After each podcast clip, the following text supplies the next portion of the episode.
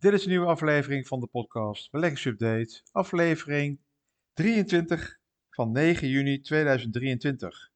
Ja, mijn naam is Joost Boors. Elke week een kort overzicht over de beurs, beleggen en vermogensopbouw. Ook een praktijkcasus. Deze week, ja, wat denken strategen nou eigenlijk over de beurs? Ze zijn wel een beetje verdeeld. Nou, weer een week verder en de beurs liggen nog steeds redelijk uh, rustig en goed. Weinig specifiek nieuws deze dagen. Klein beetje winstneming bij de technologie-sector, maar nog geen echt herstel bij de financiële sector, financiële waarden en de cyclische aandelen. De beurs hebben dit jaar wel een stijging laten zien tegen alle economische trends in. Historisch stijgt de beurs 6 tot 8 maanden vooruit voordat er een beter eh, macrocijfer, voordat betere macrocijfers aankomen. Sommigen hebben die stijging gemist en melden nu dus dat dit de meest gehate beursrally is. Strategen van de ING-bank zijn niet zo somber en zelf licht optimistisch. Dat de huidige stijging nog iets door kan zetten. Ik som een aantal argumenten op die de ING hanteert. Nou, aandelen bevinden zich in een gunstige omgeving van een vertragende inflatie, lage maar positieve economische groei, lichtdalende rentes en beter dan verwachte bedrijfswinsten. Daarnaast zijn centrale banken bijna klaar met het verhogen van de beleidsrente. Vooral groeiaandelen, zoals technologieaandelen, gedijen goed in zo'n omgeving. En presteren dit jaar tot nu toe veel beter dan waardeaandelen. Zoals de sector consumentenbasis, aan, ja, daar bedoelen ze eigenlijk mee aandelen Unilever, Nestlé, nutsbedrijven, healthcare, nou, dat soort uh, sectoren.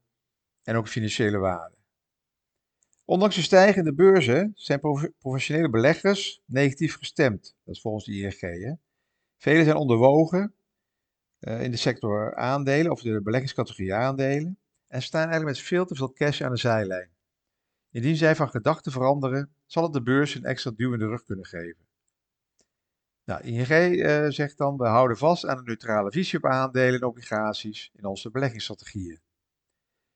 We hebben een voorkeur voor groeiaandelen, zeggen ze nogmaals, die we veel terugvinden in de aandelensectoren, communicatiediensten en IT, uh, op de Amerikaanse beurs vooral. Nou, naast de ING zijn strategen van de Rabobank ook niet zo somber en hebben eigenlijk dezelfde uitgangspunten als de ING. Ook de Rabo heeft een neutrale visie op de beurs.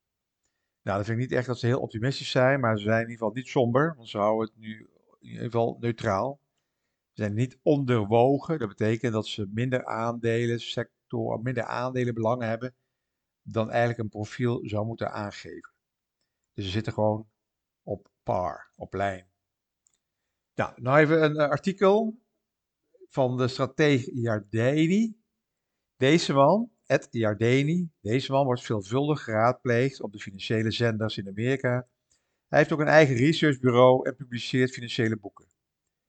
De huidige rally in aandelen, die half oktober begon, zal, volgens dus deze marktveteraan, uh, Ed Jardeni, een van de meest gehate boelmarkten in de geschiedenis kunnen worden. De Amerikaanse index, die S&P 500, is met 21% gestegen ten opzichte van een dieptepunt van 12 oktober vorig jaar. Terwijl de Nasdaq bijna 40% is gestegen. Zo'n sterke rally is gekomen in het licht van hoge inflatie, hoge rentetarieven en groeiende zorgen over mogelijke recessie. Dat heeft ertoe geleid dat vele beleggers geloven dat de huidige rally in aandelen geen nieuwe bull market is, maar eerder een bear market rally. Eigenlijk meer een herstel van de diepe dalingen die we hebben gehad in 2022. Die zijn allemaal volgens Jardini. Hij is het daar niet mee eens en benadrukt in plaats daarvan in een notitie in afgelopen weekend vier redenen waarom de huidige rally in aandelen waarschijnlijk de meest gehate bull market in de geschiedenis zal worden. En de meest gehate bull market was ook al een jaar of zes, zeven geleden. Dan heb je een langzaam stijgende aandelenbeurs. En waar toch heel veel mensen nog uh, wantrouwend naar kijken. Met veel uh, contanten, met veel kasgat aan de zijlijn blijven staan. En eigenlijk gewoon gefrustreerd achterblijven. En stiekem gewoon lekker, stiekem toch nog denken van nou, ik zal niet zeggen tegen anderen, maar ik ga toch wel vast weer wat beleggen. Nou, Jardini benadrukt dat de bull rally in aandelen begon met waarderingen die vrij hoog waren. Niet laag, wat je zou verwachten bij een uh, start van een uh, rally. In het vierde kwartaal van 2022 werd de S&P 500 werd er gehandeld tegen een uh, koerswinstverhouding, een toekomstige koerswinstverhouding van ongeveer 18 keer de winst. Wat boven het 25-jarige gemiddelde van 16,8 ligt. In het verleden boden waarderingen aantrekkelijke kansen aan het einde van de bear market. Met waarderingen die tijdens deze recente bear market niet naar aantrekkelijke niveaus zijn gezakt, hebben veel beleggers waarschijnlijk de dieptepunten gemist, terwijl ze wachten tot die waarderingen daalden. Dus mensen hadden allemaal een, bepaalde, bepaald niveau in hun hoofd waarop ze zeggen, nou dan ga ik aandelen kopen. Nou, daar kwamen ze dus net niet. En die aandelenmarkt is langs, vanaf oktober vorig jaar dus langzaam weer gaan stijgen. Nou, dus sinds die aandelenmarkt oktober vorig jaar het dieptepunt bereikte, zijn die krantenkoppen toegenomen over het potentieel van een dreigende recessie. En to toch, ondanks die angst, bleef die beurs stijgen. Waarschuwingen van Amerikaanse eh, beursgenoteerde bedrijven, CEO's en topmanagers deden niets om die aandelenkoersen te doen dalen of stabiel te houden. Een ander risico dat die huidige beursrally niet deed ontsporen, was de regionale bankencrisis in Amerika, die leidde tot de ondergang van drie grote banken. De Silicon Valley Bank, de Signature Bank en First Republic Bank. Die verfaalden allemaal binnen twee maanden. De bankfaillissementen wedijveren met de bankfaillissementen van de grote financiële crisis van 2008. Met meer dan 500 miljard aan activa bij de drie falende regionale banken en toch bleven de aandelenkoersen stabiel tot hoger.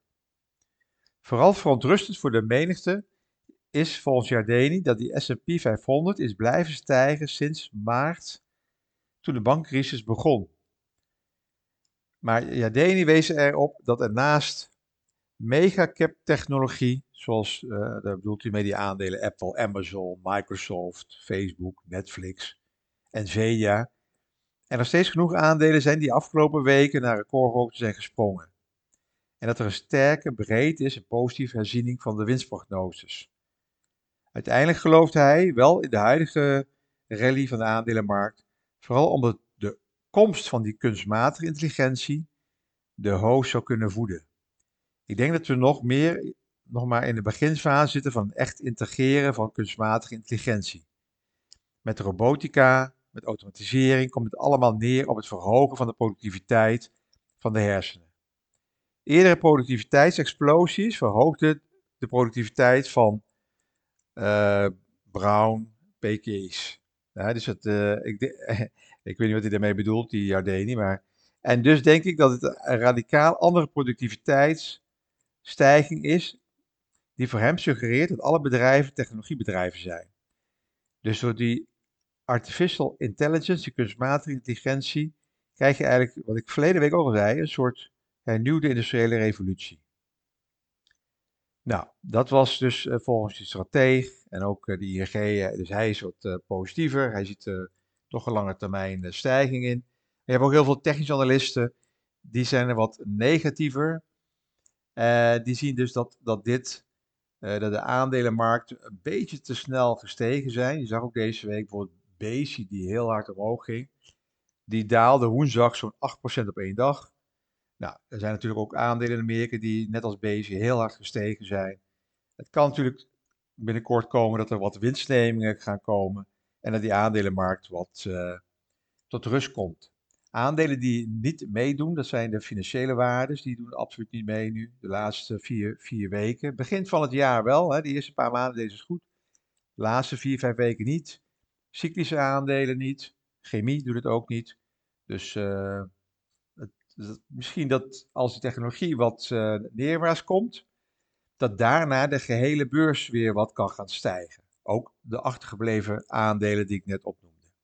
Aandelensectoren. Nou, een andere beleggingscategorie, daar ben ik niet zo uh, in. Ik verdiep me daar bijna niet zo in, maar ik lees het wel.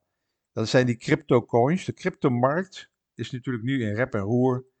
Nu die Amerikaanse beurstoezichthouder, de SEC, de SEC, in één moeite door als grootste cryptobeurs Binance en diens Amerikaanse branchegenoot Coinbase aanklaagt.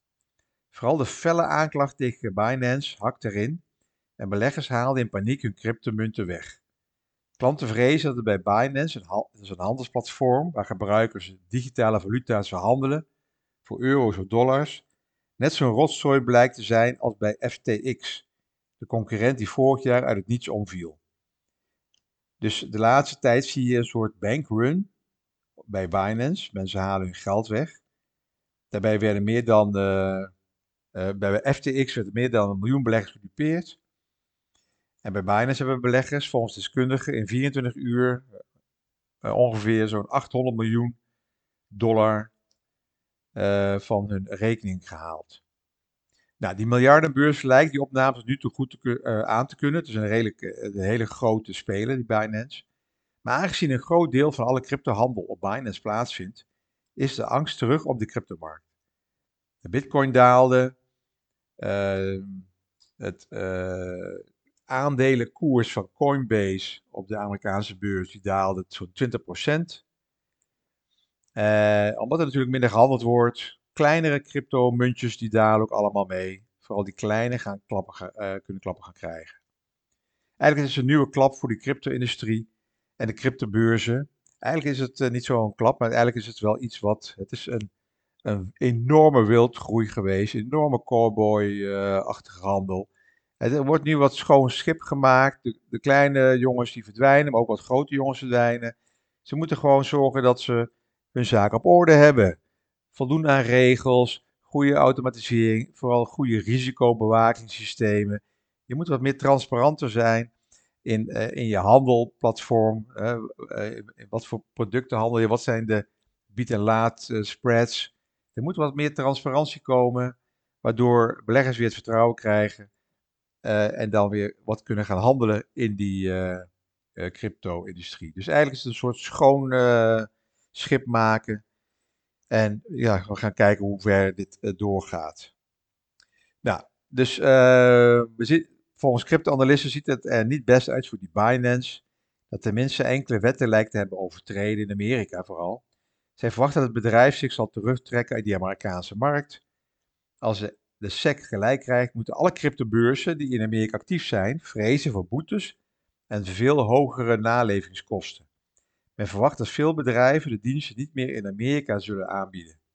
Amerika is wel een van de grote markten voor deze crypto's. Dus dat, uh, al met al ook voor deze coins zijn dit dus uh, moeilijke tijden. En het is allemaal even pijn lijden en kijken waar het uh, eindigt. Nou, dank voor het luisteren. Alles op persoonlijke titel, geen direct beleggingsadvies. En zoals altijd op basis van openbare informatie. Tot de volgende week.